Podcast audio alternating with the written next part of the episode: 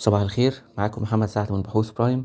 هنبدأ الاجتماع الصباحي ليوم الاثنين 17 أكتوبر 2022 أم، من أخبار الاقتصاد الكلي المبادرة اللي كانت صدرت بقرار من مجلس الوزراء واللي كانت هتتيح للمصريين في الخارج إن هما يستوردوا عربيات ويحصلوا على إعفاءات مقابل إن هما يدفعوا آه، إجمالي القيمة آه، مقدما بالدولار ويحصلوا عليها بعد كده بعد فترة بدون عائد آه، على سعر الصرف في وقتها المبادرة دي متوقع إن ينتج عنها انفلوز دولارية بحوالي اتنين آه، مليار آه، ونص آه، دولار. ده بحسب آه، تصريحات وزير المالية. من أخبار الشركات كان في نتائج أعمال بنك فيصل آه، اللي كانت آه، آه، نزل البنك نزل نتائجه المبدئية للربع الثالث 2022 آه، البنك آه، حقق صافي أرباح تقريبا آه، اتنين مليار وتلتمية مليون. آه، ده نمو سنوي ستة وتلاتين في المية سنة على سنة. آم، لكن النمو ده بيرجع بشكل أساسي ل آه، أرباح من فروق العملة تلاتة وأربعين مليون جنيه.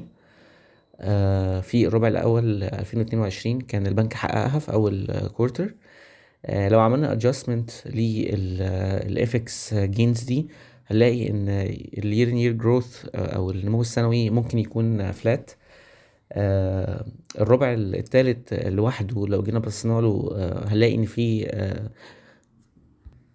هنلاقي إن في نزول حوالي اتنين في المية على أساس فصلي أو Q on Q طبعا مفيش تفاصيل كتير لأن النت- ال- ال- النتائج تعتبر مبدئية لكن إحنا شايفين ان ممكن يكون السبب آه، بتاع ال decline أو النزول على أساس فصلي آه، هو ال provisions اللي كانت آه، آه، يعني معكوسة أو ال provisions reversal اللي كان موجود في الربع التاني آه، آه، قصاد ممكن يكون في provisions booking في الربع التالت.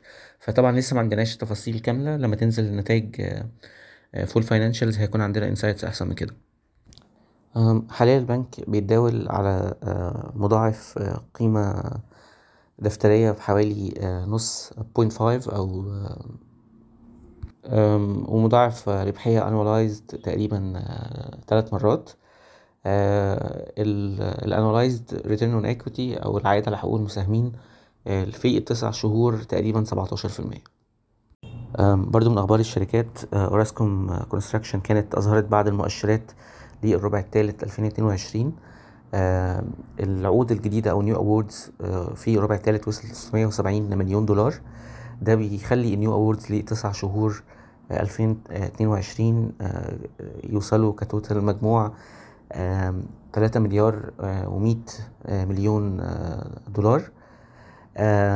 مصر بت contribute لل new awards خلال السنة بحوالي سبعين في المية. بينما ال division بتاع US بي contribute بحوالي تلاتين في المية. كده ال total backlog لأوراسكوم كونستراكشن بيوصل إلى ستة مليار ومية ومية مليون دولار. برضو من أخبار الشركات مارادايف كانت آه، تلقت عرض استحواذ على مية في المية من أسهم subsidiary أو شركة تابعة ليها آه، اسمها فالنتاين ماريتايم من شركة أنكلا مارين شيب مانجمنت الشركة آه، قالت إن العرض لسه قيد الدراسة. وإن لسه هيتم عرضه على مجلس الإدارة عشان خاطر آه، ياخد فيه قرار. دي كانت أهم أخبارنا النهاردة. شكرا. صباح الخير.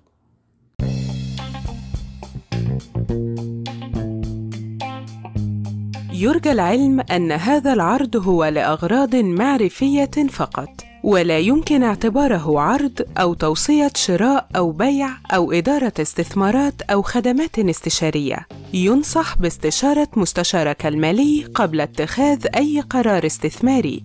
الأداء التاريخي ليس مؤشرًا يعتمد عليه لتحديد الأداء في المستقبل.